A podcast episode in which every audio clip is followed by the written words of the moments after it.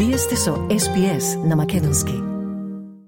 Захра Хашембади Барат побегна од Иран со сопругот и двете мали керки во 2013 година. Тие се качија на брод за да побарат азил во Австралија, а наместо тоа помина пет години во притвор во Науру. Конечно им беше дозволен влез во Австралија со така наречената бриджинг виза. Захра вели дека било на вистина стресно, бидејќи поминале низ многу проблеми. It was really stressful, really, really stressful because we have been through a lot. We were still mentally sick. Во септември Захра беше едно од 500-тините баратели на азил кои добија писмо од Министерството за внатрешни работи во кое се советуваше дека семејството мора да ја напушти земјата. По добивањето на писмото, Захра вели дека одеднаш се почувствувала празно и стресно, сеќавајќи се во еден момент на сите страдања, на страдањата на неизините деца, сеќавајќи се на работите што ги ветија, а не ги направија. Едноставно, вели Захра, нешто што можев да мислам е да посакам да умрам. Suddenly I feel empty, shaking, stress. Remember all the torture in a moment. Remember my kids suffering. Uh, remember the things they promised and they didn't do. And I was wanted to die. The only things I was think, I wish I could die and finish this torture. Во септември и октомври беа испратени различни верзии на писмото. Тие беа од висок функционер во Министерството за внатрешни работи и наводно се, цитирам, побарање, затворен цитат, на министерката Клер Онил. Дел од писмото гласи Населувањето во Австралија не е опција за вас. Австралиската влада е силна против шверцот на луѓето и нерегуларните поморски потфати. Нема да дозволи секое лице кое влегло во Австралија со брод без валидна виза и е предмет на регионална обработка да се насели во Австралија. Settlement in Australia is not an option for you. The Australian government is strong against people smuggling and irregular maritime ventures. It will not allow any person who entered Australia by boat without a valid visa and is subject to regional processing to settle in Australia. Писмата беа на англиски јазик, а некои не беа лично адресирани. Тие побараа од примачот, цитирам, ве молиме известете го одделот за преселување во трета земја, затворен цитат, а на некои им беше дадено само две недели да го сторат тоа. Джейн Фаверо е од ресурсниот центар за баратели на азил. Таа вели дека биле шокирани кога дознале за писмата, а дури потоа им биле испратени и копии од истите.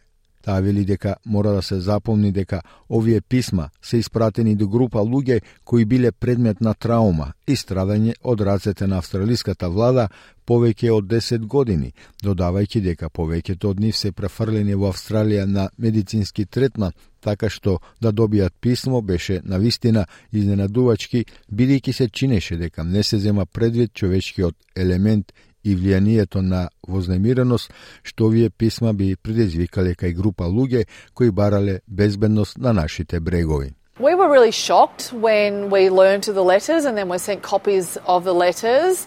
You've got to remember these letters have been sent to a group of people who have been subject to trauma and suffering at the hands of the Australian government for over 10 years. Most of them have been transferred to Australia for medical treatment. So to receive a letter that had language in it which was demanding was really surprising to us because it did not seem to consider the human element or the impact or distress these letters would cause on a group of people, on refugees who sought safety in our shores. Таа вели дека останува нејасно зошто одделот ја испратил преписката и додава дека Тоа предизвика траума и страдање за луѓето и предизвика многу прашања за луѓето и немаше можности да се одговорат на тие прашања. So it really triggered a whole lot of trauma for people, suffering for people and triggered a whole lot more questions for people and there wasn't then the opportunity for those questions to be answered. We are really concerned about what the future holds for refugees who've been subject for offshore processing, not only for those who are here in Australia who don't have any clear resettlement pathway, but also for the the 200 refugees who are still stranded on Papua New Guinea and Nauru, who there seems to be some collective amnesia about refugees who are still stuck there.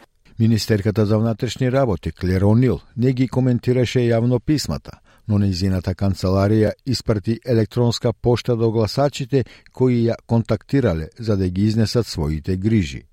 Во него таа вели дека писмата не биле соодветни или конструктивни на кој било начин, особено затоа што предметот вклучува ранливи луѓе. Таа вели дека тие били испратени, цитирам, погрешка, затворен цитат од Министерството за внатрешни работи, без неизино властување или знаење. Но одделот за внатрешни работи за ABC изјави дека го оспорува тоа дека преписката била испратена погрешка и вели дека била испратена до луѓе кои не можат да се преселат во Австралија. Джейн Фаверо вели дека пораките дополнително ги збуниле засегнатите, додавајќи дека добиваме на вистина мешани пораки и она што треба да го видиме е јасна комуникација и намера дека бегалците ќе бидат третирани хумано, а ова писмо не беше пример за тоа, но на крајот од денот треба да видиме промена на нашиот пристап во однос на тоа како ги третираме бегалците. We were comforted to see the communications from Minister O'Neill saying that the letter was a mistake. However, I have since seen reporting today that the department is saying it wasn't a mistake. So we're getting really mixed messages. And what we really need to see is clear communication and clear intent that refugees will be treated humanely. And this letter was not an example of that. And then the confusion about was it sent in mistake or was it not sent in mistake. But at the end of the day, we really need to see trauma informed communications and need to see a change in our approach to how we treat refugees. Како и да е, политиката на лобористите за пристигнување на бродови останува иста како она на коалицијата. Едноставно кажано, луѓето кои пристигнуваат со брод нема да бидат трајно преселени во Австралија, оставајќи стотици како захра во правна неизвестност. The damage already done. We already damaged. We, all of our family, my kids already affected. Our mental health already affected. We are not normal people, unfortunately.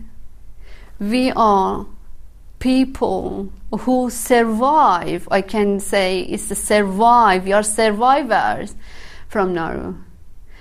And every small thing's gonna affect our life a lot. Сакате ли да чуете повеќе прилози како овој? Слушате подкаст преку Apple Podcasts, Google Podcasts, Spotify или од каде и да ги добивате вашите подкасти.